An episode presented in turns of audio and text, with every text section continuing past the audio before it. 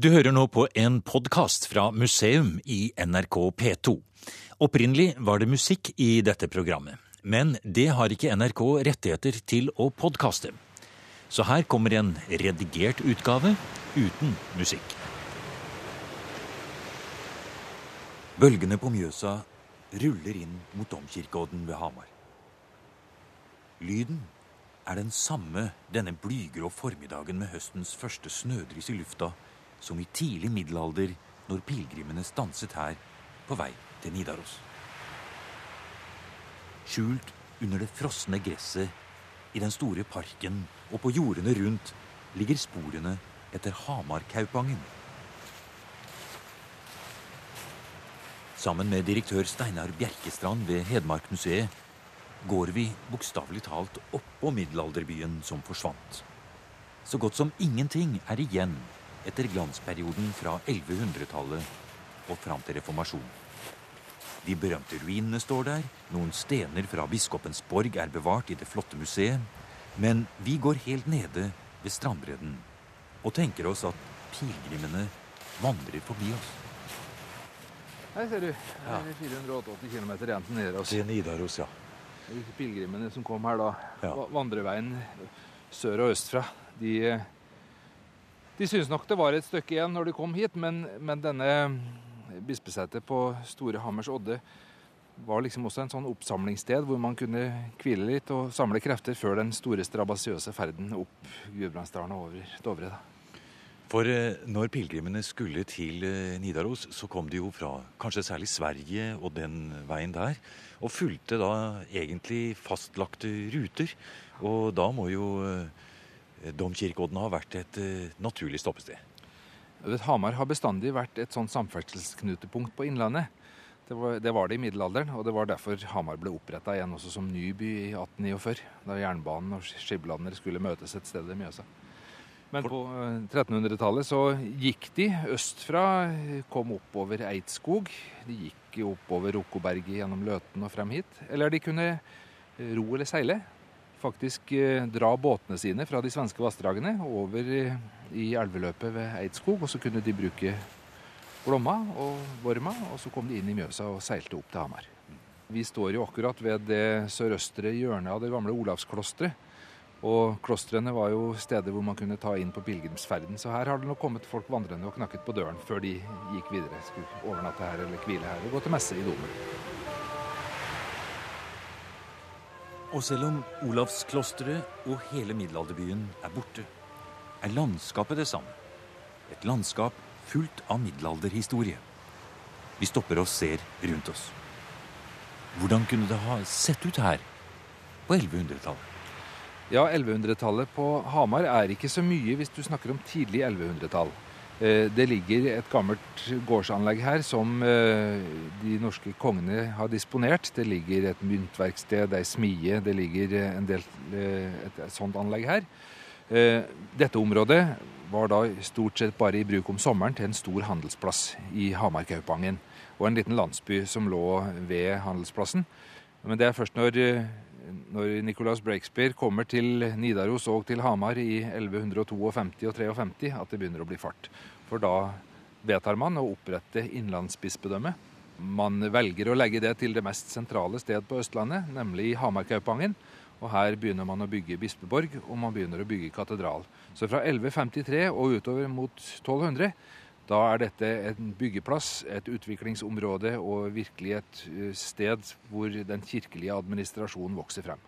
Hamarkaupangen det ser vi for oss som, eh, som du sier, et eh, sted hvor man på enkelte deler av året hadde store menneskeansamlinger her. Det var store markeder. Man kjøpte og solgte produkter fra hele det store omlandet. Men mellom kaupangene, hva var det her da, tror du? Etter at kirkeanlegget kom opp, så vokser også byen fram, fordi kirkeanlegget krever stor betjening. Og kirken overtar jo også handelsrettighetene og handelsprivilegiene. Så etter hvert blir det jo en helårs handelsplass og et stort eh, import- og eksportsted.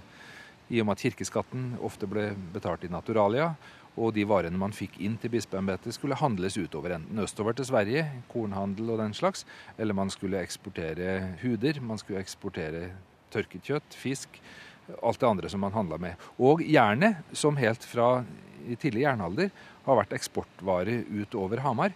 Fordi de store murmalmsområdene i Vangsåsen skapte en industri som langt inn i vikingtiden gjorde Hamar til eksportsted for jern. For det er jo et lite mysterium dette med Hamar og Hamarkaupangen som middelalderby. Fordi den er borte i dag, den fins ikke lenger. For hvis vi går til middelalderens eh, Norge, så vet vi jo at de store byene som f.eks. Eh, Bergen og Nidaros, som vi har nevnt, eh, og også andre byer, selvfølgelig Oslo eller Akershus, da, de finner vi jo rester av den dag i dag, og man kan danne seg et ganske greit bilde av kanskje hvordan de har sett ut. Kanskje til og med bygningsrester fins igjen. Men her er det ingenting. Ja, nei, Så godt som ingenting. Det er domkirkeruinen og det er restene av bispeborgen som er igjen av anlegget. Ellers ligger det under de store jordene alt sammen. For eh, svenskene de er jo kjent for å være effektive folk. De var her i 1567 og brente det hele ned. Og samtidig ble Kaupangen nedlagt av forskjellige årsaker. Slik at eh, etter 1567 var det liksom ikke noe Hamar lenger. Og det ble liggende under eh, jorder og, og ble etter hvert drevet eh, som jordbruksområde. Men i bakken her, her ligger det forferdelig mye spennende som bare venter på å bli gravd opp. Ja, for hvis vi går litt eh, bortover langs med kanten her nå Du skal si den, eh, at Mjøsa den gir lyd fra seg i dag, den? Ja da, Mjøsa er jo innlandshavet, og på en gråværsdag om høsten så vesser den tenner. Det har vel ikke vært så hyggelig å være skipsfører på Mjøsa i gammeltid på vintersdagen. Men i sommerhalvåret, når den ligger her blidt og vakkert, da var det også ferdselsåret for handelsmenn og kremmere, og for pilegrimer og for alle andre som var på farten over Innlandet. Og i dag så kan Mjøsa faktisk hjelpe oss med en annen ting. Vi var inne på denne byen som forsvant. Men det er jo faktisk sånn Bjerkestrand, at hvis man er litt heldig og går her etter at det har vært høyvann og vannet har trukket seg eh, tilbake på lav vannstand, så kan det hende at uh, man kan finne ting her i eh, strandsonen. Ja, kraftverkene hjelper oss med det, for de tømmer Mjøsa hver vinter. Og om våren da er det lavvann og store strandsoner. Da ser vi rester etter, etter kaianleggene som lå her. Og folk som da vandrer i strandkanten og litt utover eh, det som da ligger under vann til vanlig, de kommer plutselig innom museet med ei spenne eller et potteskår eller et eller annet de har funnet, og lurer på er dette gammelt. Og veldig ofte er det det. For det vi hørte om, det var hvordan eh, klosteret kom her, hvordan kirken kom her, hvordan biskopen fikk sin eh, store residens her og tok over handelen eh, og kontrollen med Kaupangen. Og Det skapte selvfølgelig rikdom, inntekter og ga mulighet for bygging av et stort og flott borganlegg. For det borganlegget man eh, mener lå her, det vet man jo selvfølgelig, men man vet ikke helt hvordan det så ut. Det har vært så imponerende at det ble en av de viktigste befestningene i Norge i middelalderen. Ja, det lå jo her og skulle verne landet eh, mot uh, faren fra øst. På 1500-tallet er det jo Gustav Vasa og hans soldater og, og troppene i øst ønsket om å trenge seg vestover, som er fremtredende her. Eh, samtidig så må jeg jo si at biskopen treng, biskopene trengte jo også å ha et slags vern mot allmuen i, i, borgen sin. Eh, når biskopen red ut på 1300- og 1400-tallet, så var det gjerne med en gjeng soldater, og han kom ikke bare for å se til troen, men også for å innkreve skatten. Og det var vel ikke alltid like populært. Det var en annen tid. Det er vanskelig å tenke seg den. Blant annet så hadde man forestillinger om gjærtegn, om eh, beskjeder som kunne komme fra vår Herre eller fra naturmaktene, som var eh, varsler om noe. Og Nå står vi jo her og ser på, på Mjøsa, da. Og i 1505, skriver, ser vi i eh, Olaus eh, Magnus, så var det en stor sjøorm her, faktisk, som kom opp her. Ja, sjøormen i Mjøsa har jo vært myteomspunnet, den. Og fremme på Sjøormskjæret der lå han og kveilet seg og ga varsel om de onde tidene som skulle komme. Eh, de onde tidene, som for folk på Hamar betydde at eh, reformasjonen var underveis, og at den gode, gamle katolske tid i Norge ble avsluttet. Og eh, det gikk jo ikke mer enn en liten 30-årsperiode, da, så sto jo hele anlegget virkelig i krig og spetakkel. For dette stedet vi går på nå, langs kanten av klosteret, som nå bare er en stor gressplen. Vi har Mjøsa ut til venstre for oss, og vi ser nå oppover mot det store, flotte glassbygget som dekker det som er igjen av ruinene. Og vi ser erkebiskopens eh, rester av hans gård, da, murene, hvor det er bygd et flott museum som vi skal inn og se på litt senere.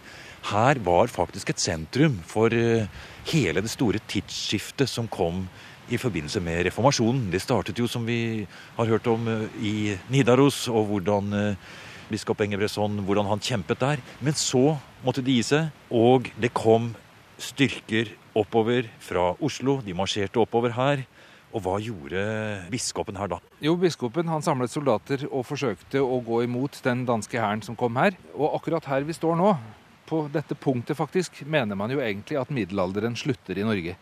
19.6.1537 da kneler biskop Mogens ned mellom soldatene her og sier, iallfall ifølge den gamle Hamar-kronikken, Vale, Vale, Vale til Hamarkaupangen og til sine brødre. Han føres i lenker til Danmark som den siste norske biskop i middelalderen. Den norske katolske biskop. Han er den siste medlem av det norske riksrådet som blir tatt til fange. Og hele avslutningen av Norges nasjonalhistorie skjer akkurat her idet han blir tatt til fange, føres om bord i båten og transporteres da til Danmark. Det må ha vært et uh, skjebneøyeblikk i, i, norsk historie. Han hadde jo forberedt seg på kamp. Han hadde gjort klar med våpen og andre ting. Store armbrøster og alt mulig. For han visste hva som skulle skje. Men denne danske adelsmannen som ledet troppene som kom, han, han bare smilte av det. Ja, og han ba biskopen overgi seg. Han var overlegen i styrke, og biskopen skjønte jo det at her var det ikke mye å gjøre. Samtidig var det vel også noen intriger som handlet om gårder og virksomheter og eiendommer omkring. Eh, som biskop Mogens da ville forsøke å redde for kirken. Og ville forsøke også, mener noen, å redde sitt eget skinn og sine egne eiendommer. Slik at han ga seg da, om ikke helt uten kamp, så iallfall så ble det ikke det helt store slaget på domkirkeodden da. Biskopen var klok nok til å skjønne at her skulle vi ikke ofre folk, og han skjønte at slaget var tapt. Vi vet at hans videre skjebne, det ble vel fengsling? Ja, han havnet på Antvortskov kloster, som ligger eh, vest på Sjælland. Og der dør han noen få år senere. Det heter jo da i mytene at han døde av gremmelse. Han var så fortvilt over det som skjedde i Norge. Vale, vale, vale, ja. Det er jo latin, Bjerkestrand. Og det betyr? Det betyr farvel, eller lev vel. Og var altså avslutningsordene. Og det er disse ordene som eh, det gamle håndskriftet Hamarkaupangen også avsluttes med. Når biskop Mogens da går ned bispestredet alene ned mot sjøen og legger seg på kne. Det er akkurat her vi går nå.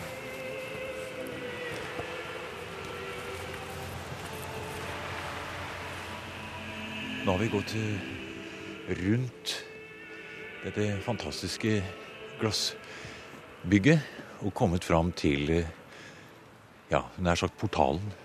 Vi er på vestfronten. Alle gamle katedraler har hovedinngangen i vest. Alle kirker for så vidt også. Og her ved den store vestfronten, som vi bare kan ane fra fantasien, så ser vi da murrestene som går fra hjørne til hjørne. Samtidig har vi den store glasskatedralen som hvelver seg over. Og takhøyden på glasskatedralen er den samme som takhøyden i middelalderkatedralen. Så det har vært et mektig byggverk som har tronet her ytterst på Store Hammers odde. Men vi kan, eh, vi kan ta, ta, ta, turen inn. Se, det... Velkommen inn i katedralen. Her går vi inn. Og det første som møter oss når vi kommer innenfor dørene, er jo nettopp lydbildet som endrer seg.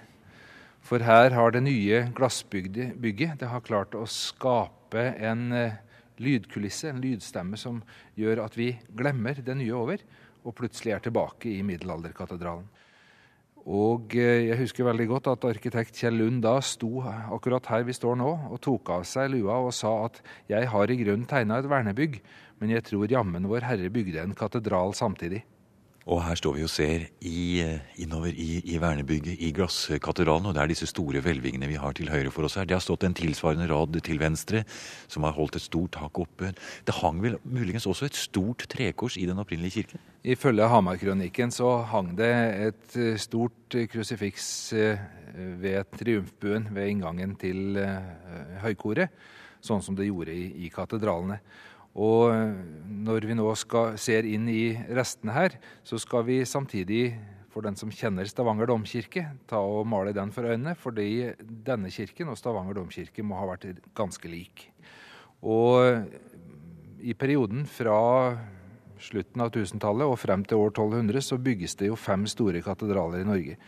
I Bergen, Stavanger, Oslo og Hamar, de fire som da er omtrent like store. Og så skulle det være en king size i Nidaros til erkebiskopen sjøl.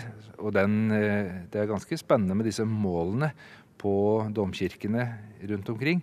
For de fire var temmelig akkurat like store, og Nidarosdomen er henimot dobbelt så stor. Og En av grunnene til at det skulle være stort, er at vi hører at når du brukte litt mer stemme her nå, så hørte vi den fantastiske fine klangen i det. Hvordan kunne det, slags, hvordan kunne det høres ut her, tror du, når man sang messe her?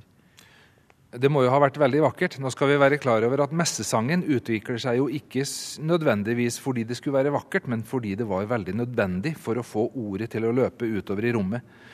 Det er vanskelig å snakke i en sånn katedral, men messesangen er middelalderens forsterkeranlegg. Når man står langt unna og legger messetone på sin tale, da bærer lyden bedre, og man hører bedre i katedralrommet. Hvis jeg går litt bort her nå, så kan, vi, kan du gi oss en, en prøve? Ja, det kan jeg gjøre. Du hører meg bedre hvis jeg taler slik. Da er det enklere å høre hva jeg sier, slik har det vært i middelalderen. Dette er bakgrunnen for messesangen. Siden utvikler det seg til sang, til sangkunst og til liturgi, som prestene etter hvert mestrer i dette rommet. Og det er klart at det har vært en vidunderlig opplevelse å høre messen sunget. Ved tolv forskjellige altere i tur og orden oppover her, ved høyalteret og på høytidsdagene når alle klosterbrødre og prester var samlet. Du har nå hørt en podkast av programmet Museum fra NRK P2.